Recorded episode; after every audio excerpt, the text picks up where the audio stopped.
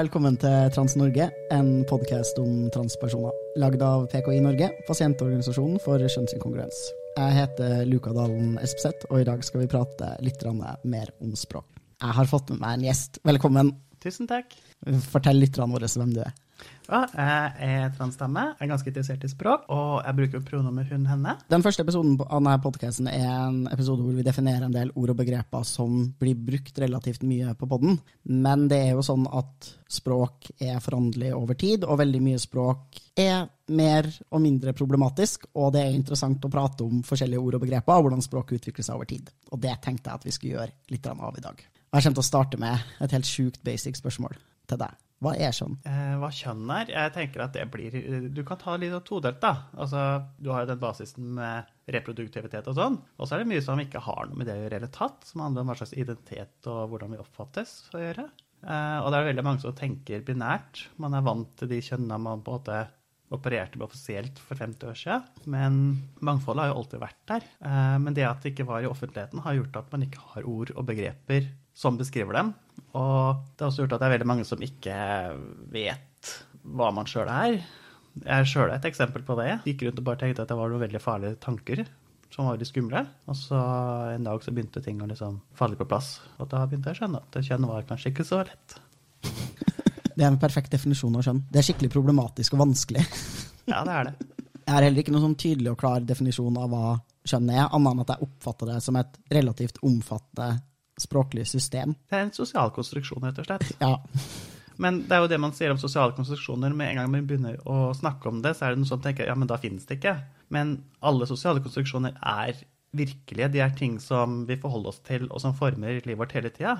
Det at den stolen jeg sitter på nå, er lagd, den er konstruert, den er fortsatt helt ikke virkelig. Jeg kan fortsatt sitte på den. Ja, jeg, jeg føler også at det er en ganske sånn allmenn uh, misoppfatning om hva vi mener når vi sier at ting er sosialkonstruert. Det betyr jo bare at måten vi oppfatter det på, og måten vi språklig gjør det, er med på å skape det. Og at vi ikke kan forstå et fenomen uten de her språklige rammene og de forforståelsene vi har. Jeg, jeg, jeg, kan komme med et litt artig eksempel. Mm. I norrønt så var ordet for jeg, det var ek. Så ordet har altså endra seg. Eh, noen sier eg, noen sier er, noen sier i. ikke sant? Og dette her er ikke noe som er naturgitt. Det er konstruert fordi det har utvikla seg. Det er en del av det sosiale. Det betyr jo ikke at plutselig jeg ikke betyr noe. For 50 år siden så var det som det var mann og kvinne. og det var ganske konservative kjønnsroller. På 80-tallet så var det litt sånn Da begynte noen menn å ha langt hår og hvis du ser på skolefotografier for eksempel, fra 80-tallet, så ser du ofte at det er mannfolka som er lengst hår. Og da, det, jo, det var grenseoverskridende i seg sjøl. Og da begynte man å endre litt hvordan man tenkte kjønn på.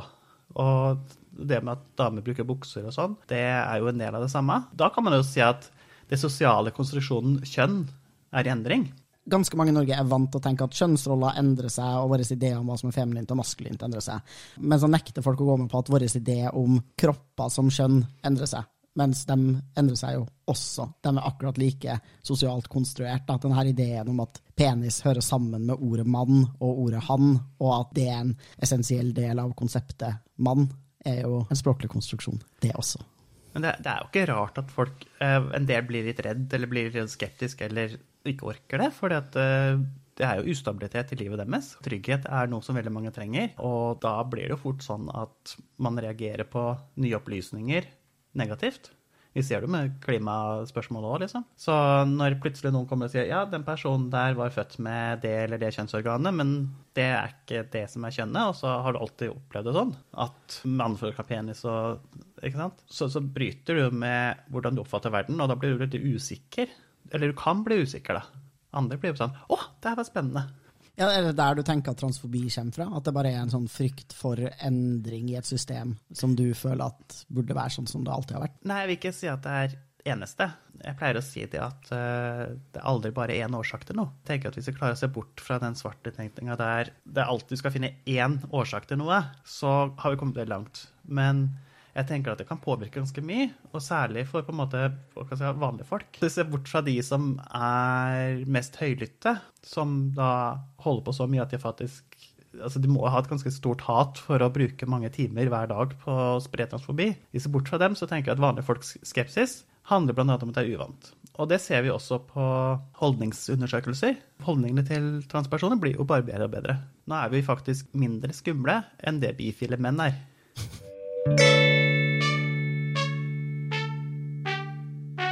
Og der er det interessant det gjelder språk, fordi at folk som har byttet kjønn, er mindre skumle enn transpersoner. Selv om det er samme tingen. Det du refererer til nå, er holdningsundersøkelser som man gjør med jevne mellomrom i Norge, hvor man blir bedt med å forholde seg til forskjellige kategorier av transfolk. Og da tror jeg de opererer med mennesker som har bytta kjønn, transpersoner, folk som av og til kler seg som det motsatte kjønn, tror jeg er det sånn som de har formulert det, eller av og til kler seg som et annet kjønn, eller sånn. Så de har en del forskjellige kategorier, og så blir folk spurt om uh, hvorvidt de har negative eller positive holdninger til de her gruppene. Og da ser man at mennesker som har bytta kjønn, er dem folk har minst fordommer mot. Og så kommer liksom transpersoner, og så kommer mennesker som av og til liksom endrer kjønnsuttrykk. Da. Det er gøy. Eh, altså, det speiler jo veldig de normene som er i samfunnet. Altså, det går bra hvis vi ikke ser at dere er trans. Det er basically det de sier. Hvis dere er usynlig trans, så går det bra at dere eksisterer. Hvis dere er synlig trans, altså hvis dere er grenseoverskridende og normbrytende i deres kjønnsuttrykk, så er dere et større problem for oss. Men så er det jo, som du sier, artig at man har en distinksjon mellom konseptet transperson og noen som har bytta kjønn. Og det er, det er en annen side her òg, som handler jo om språk.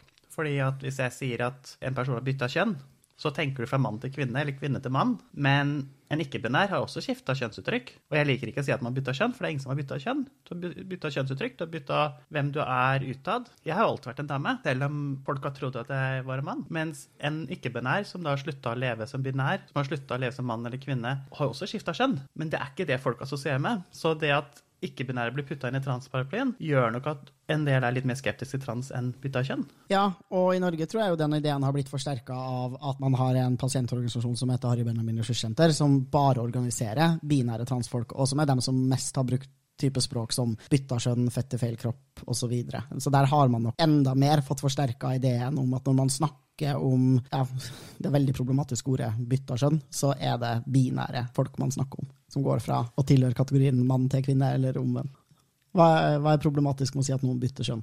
Det betyr at jeg har vært mann. Men hvis jeg har vært mann, hvorfor skal jeg da endre kjønnsuttrykk? Altså, jeg har aldri vært helt mann. Jeg har alltid følt meg ukomfortabel i mannsuttrykket. Grunnen til at jeg har bytta kjønnsuttrykk, er jo fordi at jeg aldri var en mann. Og derfor kan jeg heller ikke ha skifta fra mann til kvinne. Men, men da, da, da, da kommer jo litt tilbake, hva er det egentlig å være trans? Fordi at du har jo ideer om at f.eks. en transkvinne er en mann som er såpass kåt på å ha kvinnekropp at man skifter kjønn, liksom. Og jeg, føler at det er litt samme, samme tankegang at man skal skifte kjønn. Og det er derfor vi begynner å snakke om kjønnsbekreftende behandling. Man skal bekrefte det kjønnet man faktisk er. Sånn at når du skifter kjønnstrykk, så bekrefter du egentlig bare det kjønnet du alltid har vært, men ikke blitt sett som. Ja, og jeg føler at hele konseptet å liksom bytte kjønn, det bærer veldig preg av at det er cis-folk som sitter og ser på transfolk, og så beskriver de det de observerer. Og for dem så ser det ut som vi bytter kjønn, fordi vi uttrykker oss som eller blir lest som et kjønn, og så er den flesteparten av oss endrer på et eller annet tidspunkt kjønnsuttrykk og begynner å uttrykke oss i tråd med egen kjønnsidentitet eller egne ønsker og behov. Og for oss er det kjønnsbekreftende og det å leve som den man faktisk er, og uttrykke hvem man faktisk er, men for cis-folk som ser på, så ser det ut som vi har bytta. Og Derfor er kjønnsuttrykk et så veldig fint begrep, for det fungerer også for cis-folk. De ser jo også at vi har skifta kjønnsuttrykk. Mm. De ser jo også at uh, meg med langt skjegg og hele greia plutselig ser ut som en dame. Da er det kjønnsuttrykk som endrer seg. Ja, men jeg har ikke lyst til å sette det å endre kjønnsuttrykk som en forutsetning for å være trans. da. Altså, det er veldig viktig at du er trans også hvis du ikke har endra det. Enten fordi du enda ikke har gjort det, eller fordi du faktisk ikke har noe ønske, behov eller mulighet da, til å gjøre det. Men det vil jo ikke være så synlig for folk. Det har jo alltid fantes transpersoner. Vi har ikke blitt flere. Det fins ikke noe medisinsk beviser som tyder på at vi har blitt flere. Eh, det betyr altså at før, når vi ikke kunne transisjonere, så var vi fortsatt transpersoner. Mm. Og da er det jo klart at det å transisjonere er ikke en forutsetning. Og det er ikke sånn at man var cis før man transisjonerte i det hele tatt. Man bare framsto som det. Lata kanskje som man var det. jeg, jeg tenker på det du sa om født Du brukte begrepet født til feil kropp. Mm. Jeg, jeg, skjønner poenget med det. Fordi at Hvis du skal forklare særlig religiøse cis-personer hva det er være trans, så kan du liksom bruke en sånn metafor på at din kvinnelige sjel har havna i en mannekropp Og derfor så er det en konflikt som gjør at du må korrigere kjønnet ditt for å leve i sjelen din sitt uttrykk. Og i Thailand så er det langt på vei sånn som cis-personer ser på transpersoner. Mm. Der går det f.eks. an å kjøpe østrogen på, på apoteket uten legeerklæring. Det er, det er, litt derfor Thailand har blitt liksom landet for kirurgier og sånn. For der er de mer, ikke veldig, men mer tolerante enn veldig mange andre steder det er en forutsetning for å helt tatt kunne bruke begrepet født i feil kropp, så må man både eksistere i et samfunn hvor kroppen framstår som fundamentet for skjønn, og det gjør det jo veldig i vestlig kultur og i Norge, og så varierer det litt hvordan man forstår skjønn i forskjellige kulturer og til forskjellig tid i historien. Men jeg tror også, som du sier, at det hjelper veldig at vi har den her litt religiøse kristne forståelsen av at det, det, finnes et legeme og det finnes en sjel, og at sjelen er på en måte en slags essens av hvem du faktisk er. Og det er denne dualiteten da, som gjør at det er mulig å si at noen kan være født i feil kropp. Det hadde ikke gått an hvis man ikke hadde et konsept om at jeget på en eller annen måte eksisterer inni kroppen, eller er uavhengig av kroppen på et eller annet vis. Og det er sånn som vi er vant til å tenke om menneskelig eksistens, men det er en veldig spesiell måte å forstå menneskelig eksistens på. For å være helt ærlig, hvis jeg ikke hadde visst om trans og det her, og jeg hadde vært cis, og du hadde gått opp til meg og sagt at du er født i feil kropp, så ville jeg spurt hva slags kropp vil du ha født i. Det, det, det sier så litt om kjønn. Begrepet er veldig unøyaktig. Det er ekstremt upresist. Altså, eh, hva med kroppen din er det som er feil? Altså, man, man, det er gitt, sånn som vi bruker begrepet nå, da, at man refererer til det vi anser som skjønna trekk ved en kropp, men det er veldig mange trekk ved kroppen din som definitivt ikke forstås som skjønn på noen som en slags måte. Det er også merkelig å tenke at hvis det finnes et gitt antall sjeler og et gitt antall kropper, hvis det faktisk skulle skjedd en forveksling, da, at du var født inn i feil kropp, så må det være noen andre der ute som har din faktiske kropp, den som skulle ha tilhørt sjelen din, tenker jeg. Eh, og for meg så blir det bare veldig merkelig og meningsløst. Uh, I tillegg så tenker jeg at jeg tror at det er usunt for transfolk selv da, og vår mentale helse å tenke at kroppene våre er feil, fordi vi får faktisk aldri bytta dem ut. Uh, vi kan endre dem, vi kan modifisere dem, vi kan gjøre dem til hyggeligere plasser å leve i. Leve med, burde jeg kanskje heller si enn i, siden jeg ikke tenker at jeg lever i kroppen min. Men jeg, ja, jeg bare tror ikke det er en sunn en sunn selvforståelse. Og så kan jeg selvfølgelig ikke polise eller bestemme hvordan andre mennesker skal forstå seg selv, men hvordan, hvilket språk som blir gjort tilgjengelig for oss, og hvilke forklaringer som finnes der ute, vil i veldig stor grad påvirke hvordan vi forstår oss selv. Så hvis man faktisk fjerner konseptet født i feil kropp fra den offentlige diskursen, så vil det være veldig få mennesker som forstår seg selv på den måten. Og da mener jeg at det er en uheldig måte å forstå seg selv på. Det finnes bedre måter å tenke om det å være trans på, som vil gi deg bedre psykisk helse. da. Og så tenker jeg det er litt uh, sånn med rett tid, rett sted. Og, og da kommer vi inn på Harry Benjamin uh, igjen, uh, organisasjonen. Fordi at de har gjort en del bra. og De har stått for en del bra, de har ført til synlighet, de har hjulpet mange. Og så kommer vi til et punkt der historia fortsetter. Og så blir de igjen. Og så blir de tvert imot dem som hindrer utvikling. Og jeg tenker at det er det som har skjedd veldig på langt på vei, både med organisasjonen, men også med begrepet. For vi trengte begrepet født i feil kropp i starten for å hele tatt få en forståelse, men nå som vi har fått den, så hindrer det oss mer enn det enn hjelper oss. Jeg også tenker at vi lever i et samfunn hvor det går an å si jeg opplever og føle meg som det her kjønnet. Jeg har lyst på det her kjønnsuttrykket, jeg har lyst til å leve livet mitt på denne måten, og hvor folk respekterer det bare fordi du har sagt det. Du er ikke nødt til å liksom argumentere noe utover det. Du er ikke nødt til å liksom si sånne ting som at kroppen min er feil, eller jeg har det helt forferdelig, det er masse lidelse, jeg mener at det har skjedd en feil ved fødsel, eller at det har, et eller annet har gått feil. da. Jeg er syk og dårlig, og dere må hjelpe meg, det er synd på meg. Eh, det har vært en måte å snakke om trans på som har gitt forståelse gitt oss Folk har blitt empatiske og vennlig innstilt. da. Eh, mens jeg tenker jo nå at det å forstå, å forstå det på den måten er, er sykeliggjørende. da, Uh, Og passer også veldig dårlig på en del transfolk sin faktiske opplevelse av sitt eget kjønn og ønsker og behov til medisinsk og sosial transisjon. Det er ikke alle mennesker som er trans, som opplever veldig mye kroppslig dysfori. Det er ikke alle av oss som har behov for å endre kroppene våre veldig masse. Og hvis man skal unngå at det blir et sånt hierarki da, mellom folk som er, mellom binære transfolk som gjennomgår mye medisinsk transisjon, og ikke-binære folk, folk som ikke endrer kjønnsuttrykk så mye, folk som endrer kjønnsuttrykk over tid, hvis vi skal unngå at det blir et hierarki, så må man slutte med sånne typer begreper. tenker jeg. På denne holdningsundersøkelsen så ser man jo at det er et hierarki folk har mer positive holdninger til transfolk som gjennomgår mye sosial og medisinsk transisjon, og som blir lest og forstått som det skjønner de er i samfunnet. Og det er uheldig. Og jeg tenker at det hierarkiet også finnes internt da, i eget miljø. Eh, og så føler jeg at det har blitt veldig mye bedre. Men nå er jo jeg en binær transperson, så jeg burde kanskje heller spurt noen ikke-binære folk om de er enig i at det har blitt veldig mye bedre.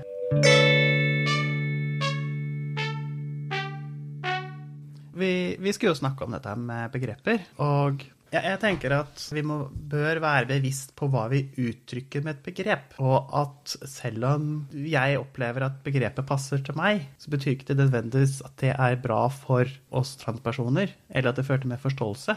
Og transseksuell er jo et veldig godt eksempel på det. Eh, Den passer jo veldig godt inn i å beskrive den ideologien som sier at jeg egentlig bare er en mann som er veldig kåt på en damekropp. Du sier homoseksuell fordi at du tenner på noen. Du sier ikke transseksuell fordi du tenner på noen. Og da sender du helt feil budskap ved bruk av ordet transseksuell. Og det er også derfor de fleste transpersoner har gått bort fra det. Det er, ikke seksualitet. Og den distriksjonen mellom kjønn og, seksualitet har vært viktig for transbevegelsen av mange grunner. da. Jeg pleier veldig ofte, når jeg skal forklare cis-folk hvorfor transseksuell er et så vanvittig problematisk begrep, så pleier jeg å kalle dem cis-seksuell, og så se hvordan de føler. Og jeg føler at ordet cis-seksuell er et veldig talende en veldig talende eh, eksempel på hvorfor det ordet er helt, helt fettubrukelig. Da blir cis-folk sånn Det her har ikke noe med seksualitet å gjøre. Hvorfor Hæ? Jeg, ikke, jeg tenner ikke Altså, Du kan ikke bare putte ordet seksuell inn i det her. Det blir kjempeweird. Og så er sånn, det har du helt rett i, og da må dere også slutte å bruke ordet transseksuell. Cis-heterofolk er ofte veldig lite bevisst på både kjønn og seksualitet. Og det er rett og slett fordi at de er såpass privilegerte at de ikke trenger å være det. Det er ikke noen negativ ting egentlig i seg sjøl. Det er veldig fint at folk er så komfortable med sin egen seksualitet at de ikke trenger å bruke masse tid på det. Ja, det er bare et privilegium jeg skulle unna litt flere. Jeg skulle ønske at transfolk og folk som er seksuelt skeive, også slapp å bruke så mye tid på kjønnet sitt og seksualiteten sin. Ja, Det er jeg enig i. Så er det et uh, annet begrep jeg tenker på. Dette her er veldig Det er, det er uenighet innad i transmiljøet òg, fordi at vi har et begrep som heter å passere. Mm. Og det betyr Altså, jeg passerer, vil jeg, vil jeg kunne sagt. Og det mm. betyr at hvis du ser meg, så ser du en dame, og du ser ikke at jeg var tildelt mannlig kjønn ved fødsel. Mm. Og, da, og, da, sier man passere. Hvis du er latinamerikaner i USA og blir lest som hvit, så kaller de det å passere. Mm. Det er fordi at ordet passere i alle andre sammenhenger betyr at man blir lest med majoritetsbefolkning som man ikke tilhører. Mm. Og hvis jeg da passerer, så betyr det at jeg er en mann som blir lest som en dame. Og det er jeg ikke. Nå er det jo sånn at jeg syns altså det, det, er et såpass vanlig begrep at jeg skjønner hvorfor folk bruker det, og at det har en litt annen betydning i transmiljøet, men det blir allikevel litt problematisk. Jeg pleier å dele det i to når jeg forklarer det, og da bruker jeg bare de begrepene sjøl. Jeg korrekterer aldri andre. Tar ikke en diskusjon der jeg krangler med andre om de begrepene, men når jeg bruker de, så pleier jeg å si at jeg blir lest som en dame. For det betyr at folk ser meg og ser en dame. Men det kan godt være at de fortsatt ser at jeg er trans. Mm. Men de leser meg fortsatt som dame. Men hvis de ser at jeg er trans, så bruker jeg ordet klokke. Mm. Altså at jeg blir klokka. Og det er et begrep som vi har henta ganske nylig fra engelsk. I internasjonale transmiljø har det blitt brukt en stund. Og det handler egentlig stort sett om trygghet. Det handler om at folk ikke aksepterer eller respekterer din kjønnsidentitet. Og da er det viktig for deg å bli lest som cis, altså at du ikke blir klokka. For da er du trygg. Da slipper du at du blir overfalt på gata, du slipper seksuell trakassering. Ja, eller som kvinne opplever seksuell trakassering uansett, da, men det er nå en annen, en annen problemstilling. Mm. Og jeg slipper diskriminering på jobb og boligmarked. Jeg slipper at noen kommer bort til meg og spør Hei, har du penis? Som jeg kjenner ble spurt om forrige uke. Jeg prøver å unngå å bruke ordet passering, og så snakker jeg vel heller om å bli lest som. Men jeg tenker også at man kunne ha brukt ordet passere men da er det viktig for meg at man også bruker det om cis-folk. Eh, at det er sånn her Å passere vil være ethvert menneske som er mann, som blir lest som mann, eller ethvert menneske som er kvinne og blir lest som kvinne. Ja, så jeg mener faktisk begrepet er upresist. Eh, men jeg vil si at jeg passerte som mann før. Det betyr at jeg ble lest som mann, men jeg var ikke mann. Det er, sånn er, det er sånn begrepet brukes i andre sammenhenger. Det er veldig innarbeida begrep som veldig mange bruker, så jeg syns ikke akkurat det begrepet er en veldig stor kamp, men det, sånn, det kan være verdt å ha i bakhodet at man er upresis, og at man ikke nødvendigvis kommuniserer det man ønsker. Men eh, ja, la oss snakke mer om klokkinga, da. Det er jo veldig mange begreper i denne transverdenen som er eh, hvor vi ikke har gode norske oversettelser, men hvor vi bare tar de engelske begrepene og så fornorsker dem. Jeg syns det funker ganske greit, sånn som å transisjonere. Jeg finner ikke noe altså to transition eller transitioning. Jeg finner ikke noe annet ord på norsk som er dekkende, og da tenker jeg at jeg bare kan si transisjon. da. Og så er det noen få sammenhenger som vi faktisk endrer. Da f.eks. da personer som har vært og tatt en kjønnsbekreftende operasjon, og da må vedlikeholde den nye vaginaen sin med å putte inn en sånn en glassylinder for å strekke ut huden for å holde den ved like. Også på Rikshospitalet så kaller man det å blokke. Og hva kommuniserer du når du sier at du blokker? Det høres ut som du stenger for, eller uh, ikke lager åpning, i hvert fall. Ikke sant? Så det mange av oss gjør, er at vi tar det engelske begrepet to delay, og så delerer vi. Og til dem som kanskje, bare for å være oppklarende, ikke kan så mye om genitalkirurgi, så er det altså da sånn at når man konstruerer en vagina, så vil den lukke seg, med mindre du faktisk holder den åpen da, ved å putte inn en gjenstand mens ting gror. Ja, nettopp. Og så strekker man ut huden som man har brukt til å lage vagina. Så er det også sånn at uh, det er ikke vi transfolk som har funnet opp uh, dilatorer. Det er eh, en god del eh, cis-damer også som bruker det, særlig de som har vagimus, som da betyr at eh, vaginaen av forskjellige årsaker blir for trang. Så kan de bruke disse stavene til å utvide den. Så det er ikke noe som bare transfolk gjør. Det er på en måte noe som faktisk flere kvinner generelt burde vite om.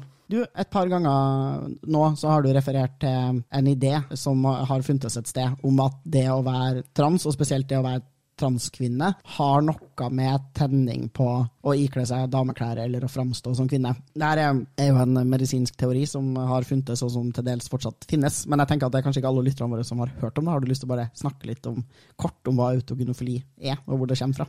Ja, det, er jo et interessant begrep. Eh, det oppsto når noen mannfolk, cis-mannfolk, prøvde å forstå hvorfor en mann ønsket å ha damekropp, sånn som dem så det. Og da er det også sånn at veldig mange og så er det sånn at seksualitet og identitet hører veldig mye sammen. sånn at veldig mange transpersoner har en del seksuelle tanker kobla til sin utforsking av sin egen kjønnsidentitet. Noen rett og slett fordi at endelig kan man være seg sjøl og liksom være den som har sex, men altså, det er forskjellige årsaker til det. Det førte jo til at de rett og slett lagde en teori på det, som handla da om at grunnen til at f.eks. jeg, da, at jeg søker kjønnsbekreftende behandling og får bryster og hele greia, handler om at jeg egentlig blir veldig kåt av å tenke på meg sjøl som kvinne, men at jeg egentlig er mann. Det er den mest utagerende cis-normative og heteronormative teorien i verden, liksom. Det, det, der går bare an for en heterofil cis-mann å klare å tenke seg til noe så søkt som det, tenker jeg. Ja, egentlig. Det er ikke uvanlig å tenne på sin egen kropp. Det er uavhengig av om man cis eller trans. Men når jeg var på Rikshospitalet, på transavdelinga der, så ble jeg jo spurt om jeg tente på å være i det motsatte kjønns klær. Og da satt jeg og tenkte nei, jeg blir egentlig ikke så veldig tent av å ha på manneklær. Så jeg skjønte ikke et spørsmålet, men jeg sa nei. Da sto det i journalen etterpå at jeg benekter autogynefili. Så det er faktisk en teori som de forholder seg til. Jeg vet ikke i hvor stor grad, men jeg vet jo at man får problemer der hvis man f.eks. er lesbisk, eh, homofil eller bifil? Ja, man får Altså, de har blitt bedre. Så det, eh, jeg tror ikke det er et umiddelbart kjempeproblem å ikke være heteroseksuell på Riksdagen lenger. Jeg tror de faktisk har forstått at vi kan, som alle andre mennesker, være tiltrukket av folk med forskjellige kjønn. Men det er tydelig at de forholder seg til denne teorien, og at de tror at noen folk tror at de er trans feilaktig, mens det egentlig handler om en seksuell tenning. Eh, og så skal de liksom prøve å finne ut av det ved å stille sånne her spørsmål som jo er helt meningsløse. Jeg har også blitt spurt om det, om jeg tenner på å ha på meg det motsatte kjønnsklær, som jo også for meg var veldig absurd. hvor Jeg, sånn, jeg har på meg mine egne klær, de tilhører ikke et spesifikt kjønn. Og hvis de skulle ha tilhørt et spesifikt kjønn, så ville folk sagt at det var manneklær. Og jeg svarte ja på spørsmålet om jeg hadde på meg manneklær når jeg onanerte. Hvor det var sånn ja, fordi jeg har ingen klær som av samfunnet blir oppfatta som kvinneklær. Og da har jo jeg egentlig bekrefta sånn, da, da, da, kan det potensielt brukes mot meg i en utredningssammenheng, at de da tenker at jeg er seksuelt motivert for å transisjonere. Og det er jo en spennende teori å ha. Men teorien ja. har jo også annen side med seg. Fordi at egentlig så havner jo ikke du i den, for den er jo egentlig bare om transkvinner. Det for det sant. er jo transmenn er jo bare forvirra jentunger, ifølge den opprinnelige teorien. Den har justert seg litt etter hvert, men det er jo ganske slående. Og da er vi egentlig inne på noe helt annet, som handler om hvordan samfunnet ofte tolker trans inn i et bestemt kjønnsmønster, altså at man har levd i mannsuttrykk, og at man skifter til kvinneuttrykk, ikke andre veien. Mm. Det er vi som kommer i media, mens dere er jo akkurat like mange, og ikke-binære er jo like mange som oss igjen. Og så er det jo da selvfølgelig med en gang man snakker om transperson Har du penis? Ja. Har du? Spør du meg, vil du se? Men det er, det er et eksempel på hvordan samfunnet hele tida tolker oss inn i deres egen tankegang. For den der penisen eller vaginaen er ikke det. Jeg er på masse transfora, og det er ikke det vi diskuterer. Ja, vi er innom der òg, men altså for oss er det med stemme, det med å bli lest riktig, det med at folk er, behandler oss med respekt, at jeg har bryster, eller at du ikke har det, det er viktig. Mens det som er mellom beina, er gjerne mye mindre viktig.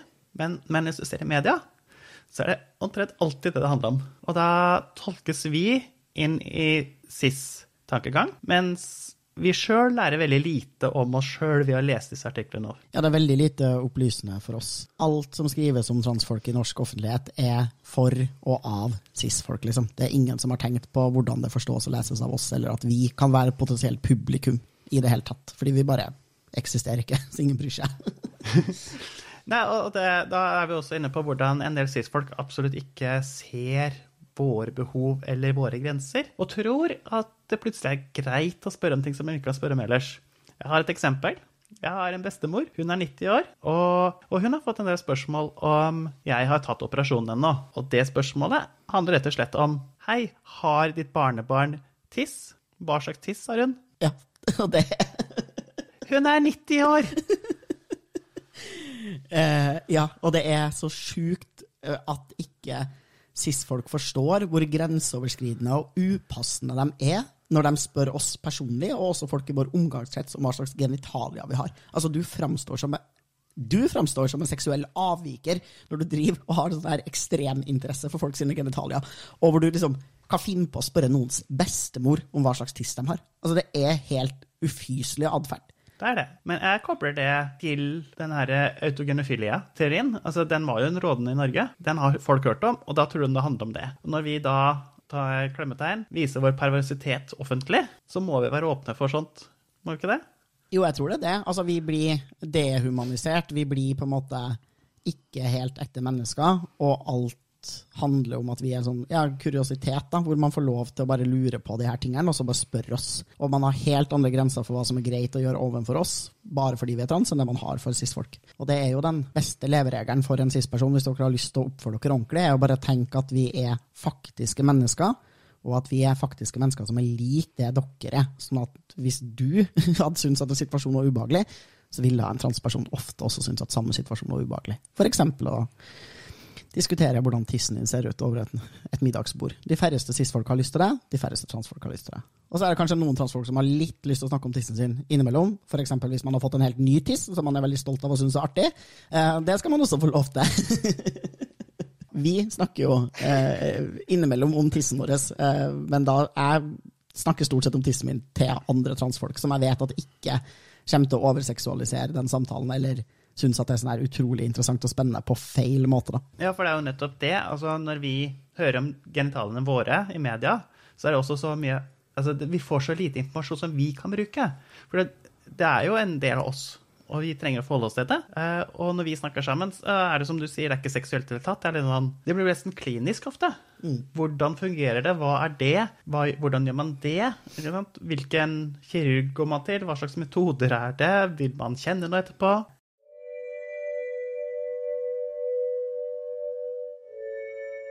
Et begrep som jeg bruker en del, som jeg hadde lyst til å få din take på, er ordene transmaskulin og transfeminin. Eh, når jeg bruker ordet transmaskulin, så mener jeg ethvert menneske som er trans, som ble tildelt kvinner som kommer med fødsel. Og jeg bruker det for å snakke om f.eks. hvis jeg skal snakke om her, folk som går på testo, så kan jeg snakke om liksom, transmaskuline folk, eller eh, folk som gjør en maskulin transisjon, osv. Og, så og så bruker jeg det eksplisitt for å inkludere at jeg ikke bare skal snakke om transmenn, da.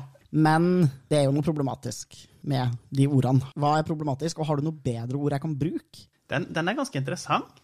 Uh, og det at du starta med å forklare hva du mente med det, gjør jo at det er veldig lett å på en måte gå inn i den diskusjonen. For at du sa at transfeminine er folk som har blitt tildelt mannekjønn. Men det du da gjør, er jo samtidig å si at Det du da gjør, er samtidig å stemple ikke-binære som feminine eller Mm. maskuline. Mens en god del ikke-binære ønsker å være verken eller. Sånn at, og, og samtidig så lager du et fokus på hvilket kjønn man fikk ved fødsel. Mm.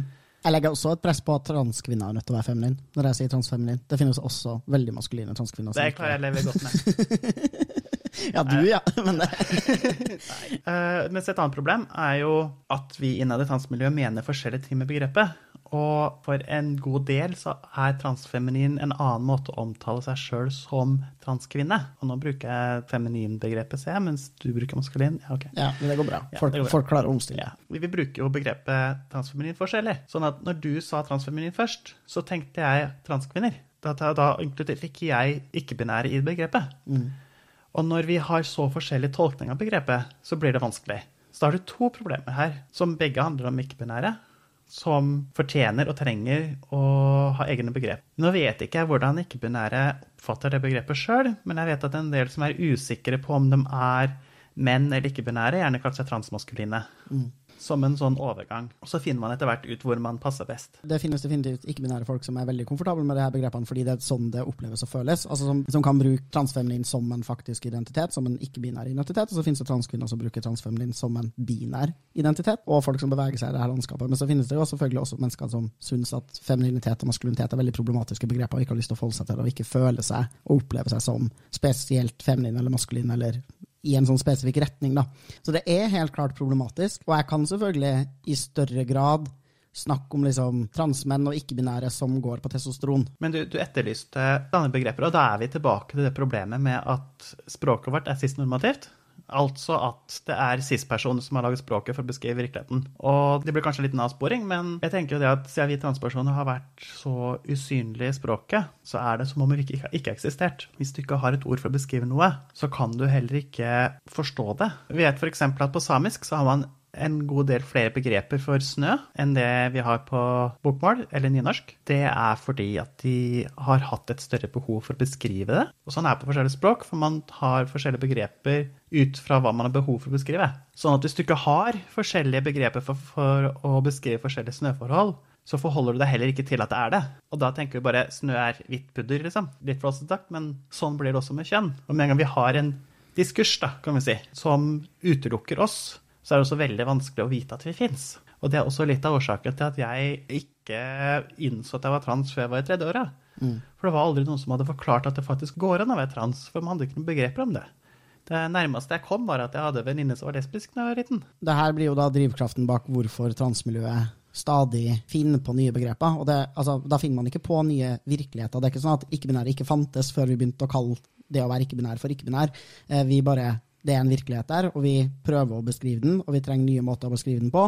Og veldig ofte så ender vi opp et sted hvor den beskrivelsen vi prøver på, er cis-normativ, fordi vi også er oppvokst i et veldig cis-normativt samfunn. Pluss at bruken av et begrep også kan bli problematisk over tid ved at det fylles med en annen mening enn det som var intendert, eller at man får ny kunnskap og opplysning om hvordan verden faktisk ser ut. Og da trenger man å endre språket, og da gjør vi det. Da er det sånn her, ok, nå funker ikke ordet her lenger. Transseksuell, det virker ikke lenger. Er sånn, vi kan ikke bruke det som begrep. Da slutter vi å bruke det. Og jeg har liksom tenkt at transfeminin og transmaskulin har vært til dels gode begreper for å tydeliggjøre at også ikke-binære mennesker finnes, og at ikke-binære folk også kan gjennomgå både sosial og medisinsk transisjon. Da. Eh, Men så ser jeg jo at det er problematisk. Men det er jo gjerne sånn at man bruker begreper, og så slenger man dem ut, og så ser man om det fungerer. Og det er, det er litt sånn du, du kaster dem mot veggen og ser om de setter seg fast, eller om de ruller ned. Og de begrepene som da folk faktisk begynner å bruke, de er ofte de begrepene som overlever.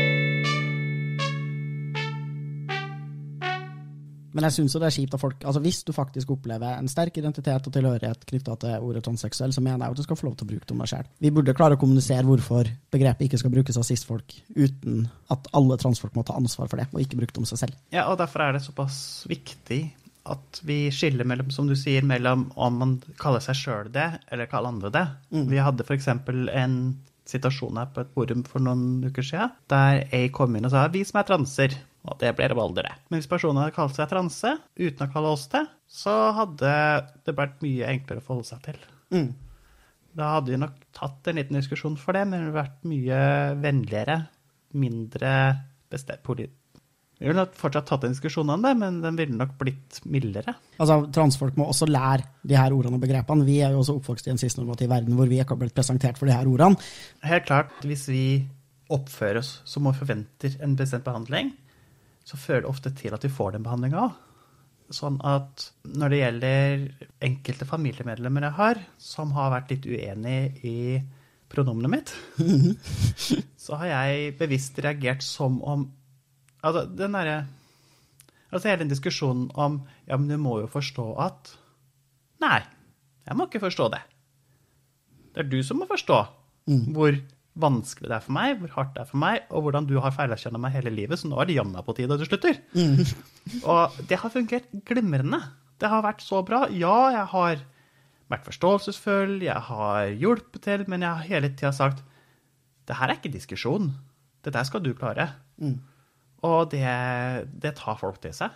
Og jeg tenker på en måte Det er litt sånn når du reagerer sterkt på at cis-folk, eller folk generelt, gjør sånne ting, så sender det et mye kraftig beskjed til dem at det er ikke greit. Og da, da gjør de mer for å skjerpe seg, og da sitter det hardere òg.